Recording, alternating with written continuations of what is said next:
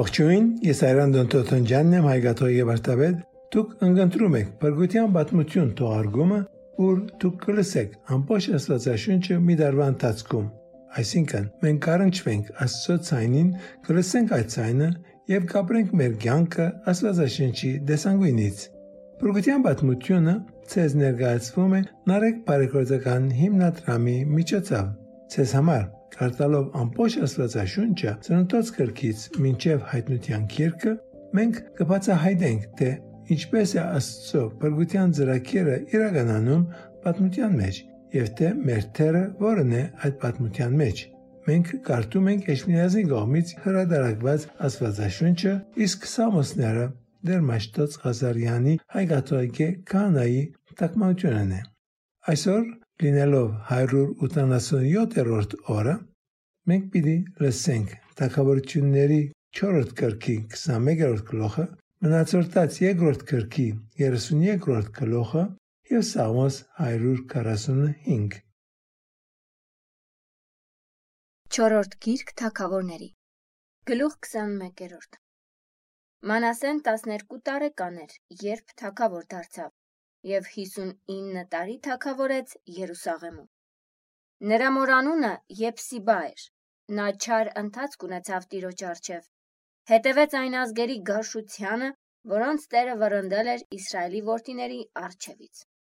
Նա վերականգնեց իր հայր Եզեկիայի կործանած պաշտամունքի վայրերը, վերակառուցեց Բահաղի զոհասեղանը, վերականգնեց Փայտեսյան պաշտամունքը, ինչպես արել էր Իսրայելի ակաբարքան, երկրպագեց երկնքի բոլոր զորություններին ու պաշտեց դրանք։ Նա տիրոջ տանը հեթանոսական զոհասեղան դրեց, որի մասին Տերն ասել էր. Երուսաղեմում եմ դնելու իմ աթոռը։ Տիրոջ տան բոլոր սրահներում նա երկնքի բոլոր զորությունների համար զոհասեղաններ պատրաստեց։ Իր որդիներին ողջակեզ արեց, հմայություն արեց, թրջուններին նայելով գուշակություններ արեց, վհուկներ ու նշանագետներ պահեց։ Տիրոջ առջև շատ չարիքներ գործելով բարկացրեց նրան։ Նա պաշտամունքային փայտեսյուն կանգնացրեց Տիրոջ տանը, որի համար Տերն ասել էր Դավթին ու նրա որդի Սողոմոնին. Իմ անունը հավիտյան դնելու եմ այս տան մեջ։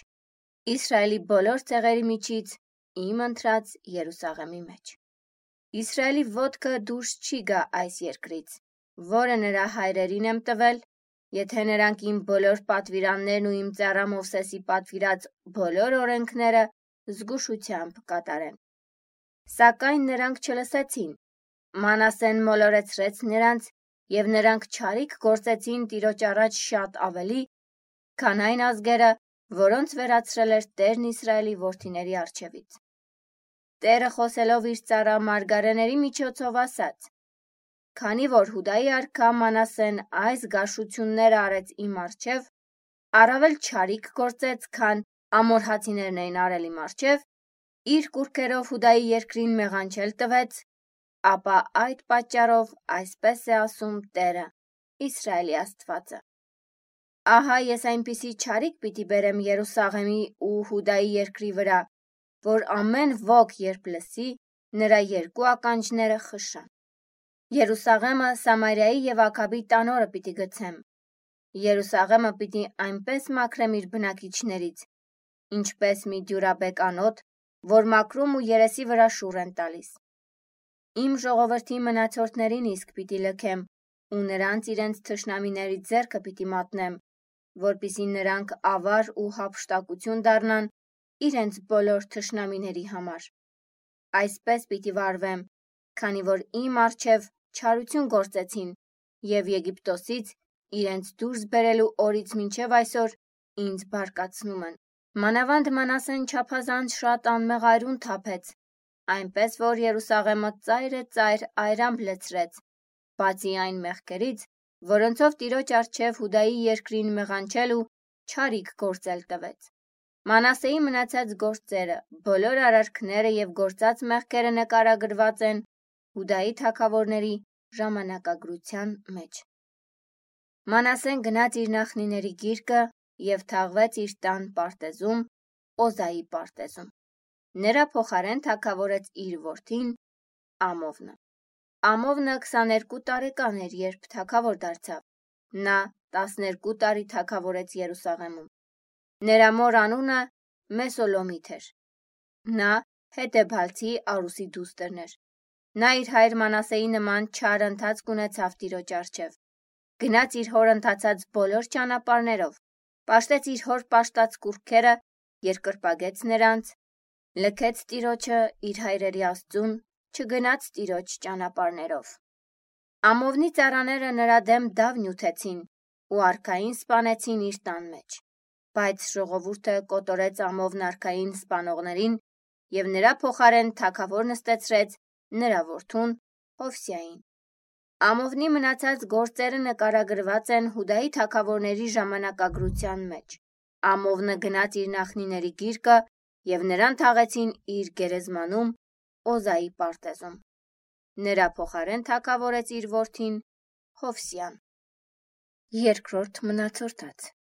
Գլուխ 32-րդ Այս բաներից եւ հավատարմության գործերից հետո Ասորեստանի արքա Սենեքերիմը հարձակվեց Հուդայի վրա եւ բանակատեղի դրեց պարսպապատ քաղաքների շուրջը։ Նա ասում էր, որ կգրավի դրանք։ Երբ Եզեկյան տեսավ, որ Սենեքերիմն իր դեմ է եկել պատերազմելու Երուսաղեմի դեմ, խորհուրդ արեց ծերերի ու զինվորականների հետ փակելու քաղաքից դուրս գտնվող աղբյուրների ջրերը եւ փակեցին դրանք։ Նա մեծ թվով մարդկանց հավաքեց, որոնք փակեցին աղբյուրների ջրերն ու գետի ճանապարհը, որ բաժանում էր քաղաքը անցնելով նրա միջով։ Նրանք ասացին. Չլինի թե Ասորեստանի արքան գալով առատ ջուր գտնի եւ հզորանա։ Եզեկյան զորացավ եւ վերաշինեց բոլոր կործանված պարիսպներն ու աշտարակները, ինչպես նաեւ կառուցեց արտաքին մի ուրիշ պարիսպ։ Նա ամրացրեց Դավթի քաղաքի պատնեշները եւ շատ զենք պատրաստեց։ Նա զորքերի վրա հրամանատարներ նշանակեց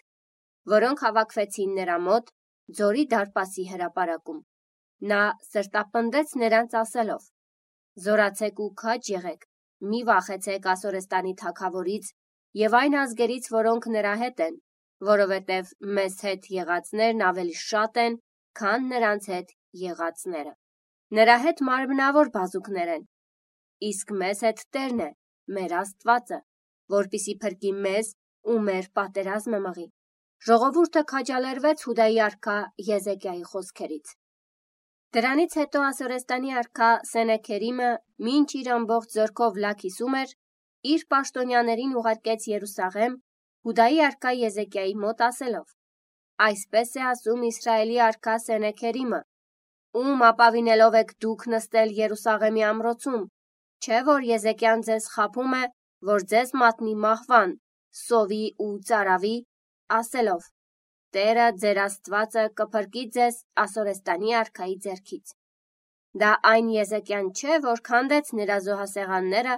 պաշտամունքի բարձունքները եւ ասաց Հուդայի ու Երուսաղեմի բնակիչներին. Միայն այս զոհասեղանի առջև պետք է երկրպագեք եւ այս զոհասեղանի վրա պիտի զոհ մատուցեք։ Դուք չգիտեք, թե ինչ են կարել ես եւ իմ հայրերը բոլոր ժողովուրդներին ու երկրներին։ Միթե բոլոր այդ երկրների ազգերի աստվածները կարողացան փրկել իրենց ժողովրդին իմ ձեռքից։ Իմ հայրերի կոտորած այդ ազգերի բոլոր աստվածներից որ մեկը կարողացավ փրկել իր ժողովրդին իմ ձեռքից, որ ձեր աստվածը կարողանա ձեզ փրկել իմ ձեռքից։ Արդ Եզեկյան թող ձեզ չխափի, թող ձեզ դրանով չհուսադրի։ Մի հավատացեք նրան, քանի որ բոլոր ազգերի ու թակավորությունների աստվածները չկարողացան իրենց ժողովուրդներին փրկել իմ եւ իմ նախնիների ձեռքից։ Ձեր աստվածն էլ ձեզ չի փրկի իմ ձեռքից։ Եվ ավելին էլ խոսեցին նրա պաշտոնյաները Տիրոջ, Աստծու եւ նրա ծառա Եզեկիայի դեմ։ Սենեքերիմը նաև նամակ էր գրել Տիրոջը Իսրայելի Աստծուն անարգելու համար եւ նրա մասին ասում էր. Ինչպես որ երկրի ուրիշ ազգերի աստվածներն իրենց ժողովուրդներին չփրկեցին իմ ձեռքից, այդպես էլ Եզեկիայի աստվածն իր ժողովրդին չի փրկի իմ ձեռքից։ Սենեքերիմի պաշտոնյաները եբրայերեն բարձրաձայն դիմեցին Երուսաղեմի պարսպի վրա եղած ժողովրդին, նրանց վախեցնելու եւ ընկճելու համար, որpիսի շուտ ապույտ գրավեն քաղաքը։ Երուսաղեմի Աստծու մասին նա այնպես խոսեց, ինչպես կխոսեր երկրի ժողովուրդների մարդու ձեռքով կերտված աստվածների մասին։ Եզեկիա արքան եւ Ամովսի որդի Եսայի մարգարեն աղոտ կարեցին այս բանի համար եւ դեպի երկինք աղաղակեցին։ Տերը հրեշտակ ուղարկեց եւ բնաջնջեց Ասորեստանի արքայի բանակում գտնվող բոլոր հզոր պատերազմողներին, իշխաններին ու զորագլուխներին։ Սենեքերիմը ամոթապարտ վերադարձավ իր երկիրը, գնաց իր Աստծու տունը եւ իր հարազատ որդիներն այնտեղ սրով սպանեցին նրան։ Տերը Եզեկիային ու Երուսաղեմի բնակիչներին փրկեց Ասորեստանի Սենեքերի մարքայի ու ամենքի ձեռքից եւ նրանց բոլոր կողմերից խաղաղություն պարգևեց։ Շատերը տիրոջը զոհեր էին բերում Երուսաղեմ եւ ընծաներ Հուդայի արքա Եզեկիային։ Եզեկյան դրանից հետո բարձրացավ բոլոր ազգերի աչքին։ Այդ օրերին Եզեկյան մեր դիմա հիվանդացավ։ Նա աղոտ կարեց տիրոջը, որը լսեց նրան ու մի նշան ցույց տվեց բայց Եզեկյան իր նկատմամբ ցույց տրված բարերարության համեմատ չհատուցեց, այլ մեծամտածավ, ուստի բարկություն իջավ նրա, Հուդայի ու Երուսաղեմի վրա։ Եզեկյան հրաժարվեց իր մեծամտությունից, ինչպես եւ Երուսաղեմի բնակիչները եւ Եզեկիայի թագավորության օրոք տիրոջ բարկությունն այլևս չիջավ նրանց վրա։ Եզեկյան շատ մեծ հարստության եւ փառքի տիրացավ։ Նա իր համար ոսկու, արծաթի, պատվական քարերի, խնկի, զենքի ու թանկարժեք իրերի գանձարաններ շինեց։ Նա ցորենի, գինու եւ ձեթի բերքի համար շտեմարաններ կառուցել տվեց, ամեն տեսակ անասունների համար, ախորներ, հոտերի համար, գոմեր։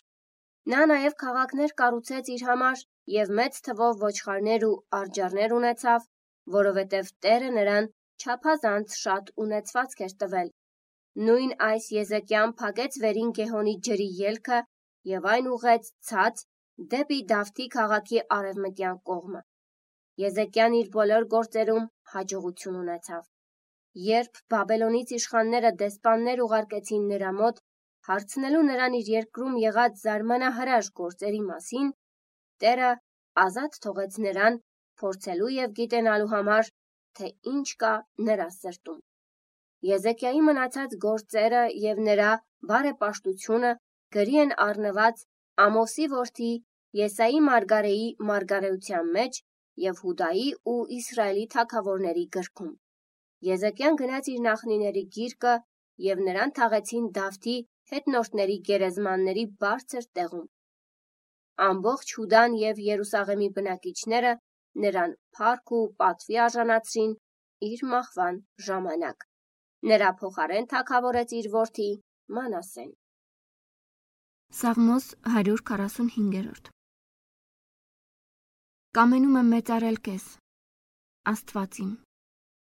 իմ, թագավոր։ Եվ հավիտյանս հավիտենից օրհնել քո անունը։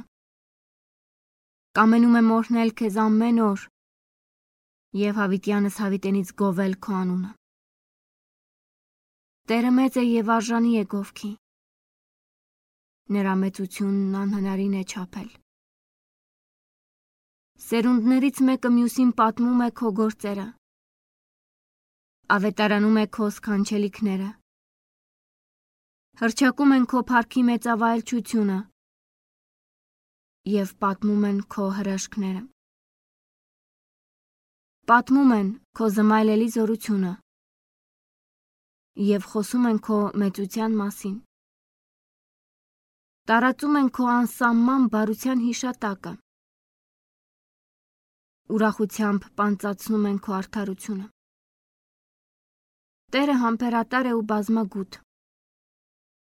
Դանդաղ է զայրույթի եւ մեծ է սիրո մեջ։ Տերը բոլորի նկատմամբ բարի է։ Նրա կարեկցանքը տարածվում է բոլոր արարածների վրա։ Թող գովեն քեզ բոլոր արարածներդ։ Թող օրհնեն քեզ երկրպագուներդ, Տեր։ Թող հրճակեն արքայությանդ փառքը։ թող ավետարանեն քո սքանչելիքները։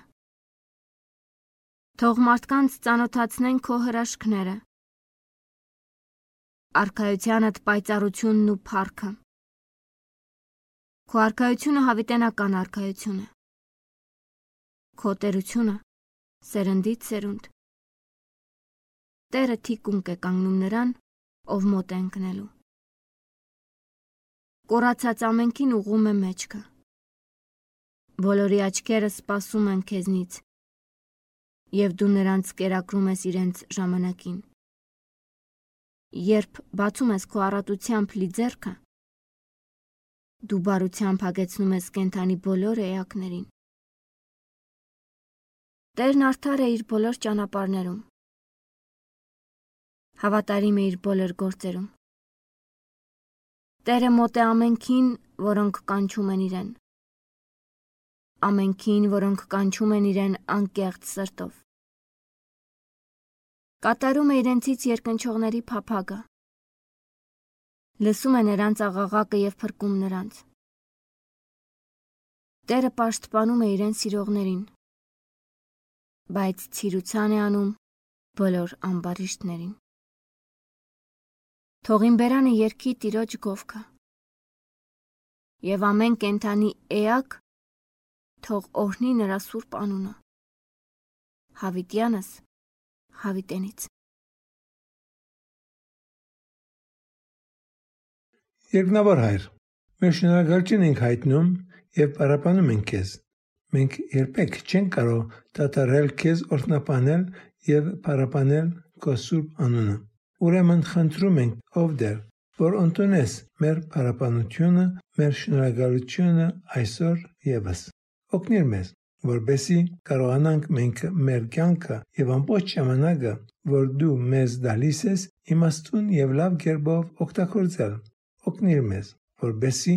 մեր կյանքի ամեն մի օրը կարողանանք քո օգնությամբ կործածել, որ մենք ավելի լավ, քեզ ավելի հավատարիմ անցիկ լինենք, ավելի եւ ավելի զղջանք ինքներս մեր մեղքերի համար եւ քո շնորհով եւ քո սորությամբ մենք կարողանանք ավելի արագինի կյանք ապրել։ Մենք մեր աղոթքն ենք բարձրացնում հանուն մեր Տեր Հիսուս Քրիստոսի ամեն անհոր եւ որդվո եւ օգույն սրբո ամեն Տակավորությունների 4-րդ գրքի 21-րդ գլուխը գարտացինք եւ այդ գլխի մեջ արդեն Եզեկիան մահացել է բայց մնացորդ 12-րդ գրքի մեջ գարտացած հատվածում նա դերևս ողջ է Եզեկիան տակավորին հաջորդում է իր որդի Մանասեն Կարդում ենք որ Մանասեն 12 տարեկան է երբ տակավոր է հրճակվում եւ 55 տարի իշխում է Երուսաղեմում եւ նա դիրոջ արչեւը վատ տակավոր է լինում։ Իրականում նա ամենավատ տակավորներից մեկն էր։ Ակազը շատ վատն էր, որտին Եզեկիան շատ լավն էր։ Եզեկիայի որդին Մանասեն ահավոր վատն էր։ Կարող ենք ասել, որ Աստված թորնիկներ չունի։ Ուրեմն պետք է ասենք, որ մենք Աստծո որդին կամ դուստրն ենք Այսինքն, մենք Աստծո զավակներն ենք կամ չենք։ Մենք չենք կարող ասել, որ մեր ծնողի հավատքն է, որ բնակվում է մեր մեջ։ Մեզանից յուրաքանչյուրը պետք է ունենա իր հավատքը։ Հավասիկ Մանասեն վերագանքնեց բոլոր արցանիկները, վերաշինեց մեհյանները։ Նա նույնիսկ Երուսաղեմի դաջարի մեջ ահավոր բաներ մցրեց եւ մեծ արակությամբ հրյա ժողովուրդը հեռացավ Աստծուց եւ շատ արագ անգման մեջ է։ Հաջորդ օրերին պիտի լսենք մարգարեներից, ինչպես սրանից առաջ լսեցինք։ Մենք լսեցինք Օսե, Ամոս, Միքիա, Հովնան մարգարեներից եւ երբ լսենք Ասորեստանի վերապերմունքը Իսրայելի հանդեպ ավելի լավ կհասկանանք թե ինչու Հովնան մարգարեն ցանկություն չուներ քնալ դեպի Նինվե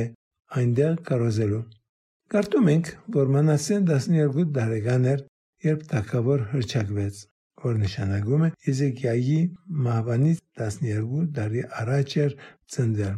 Հիշենք, որ մահվանից 15 տարի առաջ Եզեկիան մահամերձ էր եւ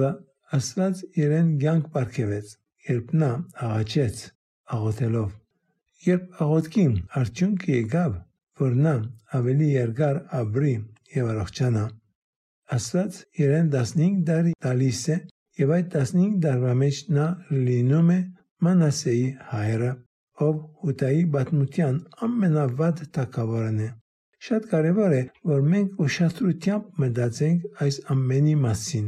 Մտածենք Հեզեկիայի 15 վերջին տարիների մասին եւ տեսնում ենք Բաբելոնի պատվիրակությունը, որ գալիս է եւ Հեզեկիան երկրի ամբողջ հարստությունը եւ գաղտնիքները նրանց ցույց է տալիս, որը Հավաքայի մեծ խնդիր է առաջացնում հրյա ժողովրդի համար։ Բայց երբ Եսայի մարգարեն փոխանցում է Աստծո խոսքը Եզեկիային, նա ասում է, որ սա լավ խոսք է, որովհետև նա չպիտի տեսնի հուտայի անգոմը եւ իր օրերին ապահովություն եւ խաղաղություն պիտի լինի։ Հավասիկ Աստված Եզեկիային 15 տարի եւս շնորհեց իր խնդրանքի համաձայն, բայց այդ 15 տարիները իրեն ավելի լավ անց չդարձրեցին, ավելի սուրբ անձնավորություն չդարձրեցին։ Երեկվա մեր մեկնաբանության մեջ ասացի, որ մենք երբեք չպետք է վստահենք իշխանություններին, բայց ահավասիկ տեսնում ենք Աստծո իմաստությունը, որ մենք պետք է խնդրենք։ Նա կարող էր խնդրել Աստծուց, որ ավելի սրբագյաց անց լիներ, որովհետև հիմա բուժված է Բայց ոչ, նա դա չարեց։ Այդ 15 տարիները նա չօգտագործեց, որբեսի ավելի լավ թակավոր լիներ, ավելի մեծ թակավոր լիներ, Աստծո արչև ավելի մեծանար, այլ ինքն իրենով հբարդացավ։ Այսօրվա մեր գարտացած մնացորդած երկրորդ կրկի հատվածի մեջ տեսեցինք մեծ հբարդություն կար նրա սրտի մեջ։ 19-րդ դարում Սուրբ Դոմինիկ Սավիո Իտալիայում փոքր հասակում մահացավ եւ նույնիսկ որպես պատանի նրա ղարքախոսներից էր ավելի լավ է մահանալ, քան մահացու մեղք գործել։ Նա 14 տարեկան էր, երբ մահացավ։ Անշուշտ, ողբերգական է, երբ մի անմեղ մարդ մահանում է, բայց նրա ղարքախոսը, որ նա նախանդրում է մեռնել, քան մահացու մեղք գործել, իրապես շատ թիբուկ է բայց Ավասիկ Եսեկյան, ով վաղադեց Տիրոջը ավելի շատ ժամանակ ունենալու համար, նա այդ ժամանակը չօգտագործեց ավելի լավ անձնավորություն լինելու համար։ Աղոթենք իրար համար։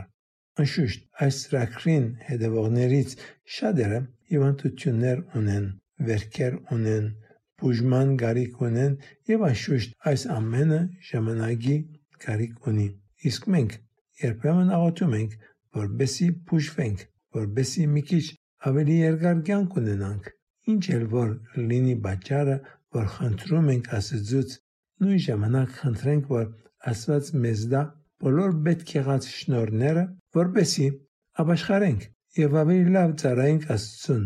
ավելի խորը սեր ունենանք Աստծո հանդեպ եւ մեր կյանքը միշտ կարողանանք կործածել, որբեսի իրակորձենք Աստծո ամենամեծ ծրագիրը, որ նա ունի մեզանից յուրաքանչյուրի համար, որ է լինենք սուրբ։ Երբ խոսում եմ սրբության մասին, չմտածենք երբեք, որ Աստված մեզանից պահանջում է չափազանց դժվար մի բան, այլ երբ մենք մեր կյանքն ապրենք բարձորեն, բայց նվիրելով մեր օրը, մեր կյանքը Աստծուն եւ խնդրելով նրանից, որ մենք կարողանանք մեր առօրյան ապրել այնպես, ինչպես նա է ցանկանում, սա է սրբության գաղտնիքը։ Սա է սրբությունը, որ Աստված մեզանից պահանջում է։ Ֆրանցիսկոս Պապը այդ ուղղությամբ մի հորտոր է հրաբարակել, ուր բացատրում է, թե որքան բարձ է սուրբ կյանք ապրելը, սրբանալը, բայց անշուշտ սա չի նշանակում, որ չափազանց հեշտ է։ Իրականության մեջ դժվար չէ, բայց պահանջում է հավատարմություն եւ հարադեվություն եւ սա նաեւ կարևոր պատճառներն մեկն է որ մենք պետք է գարտանք Աստվածաշունչը հասկանանք եւ աղոթենք Աստվածաշունչը որբեսի մեր կյանքը ավելի սրբագյաց ավելի հաջելի կյանք լինի ոչ միայն Աստծո համար այլ նաեւ մեզ համար աղոթենք իրար համար շարունակենք մեր այս ճամփորդությունը իրար հետ աղոթելով մեգս մույսի համար։ Խնդրում եմ, որ դուք նաև աղոթեք ինձ համար։ Ես միշտ աղոթում եմ, ամեն օր աղոթում եմ ձեր բոլորի համար։ Thank you